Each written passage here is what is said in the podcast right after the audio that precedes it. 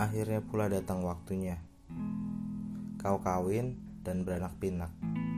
Sementara aku menjadi seorang petualang yang hilang di lembah yang sunyi gelap. Titikam dingin yang memikirkan tulang. Meriang, meriang dalam kesendirianku. Lalu seekor merpati membawakan aku setangkai bunga Kamboja dari atas pemakaman. Memberikan isyarat pada waktu kepulangan.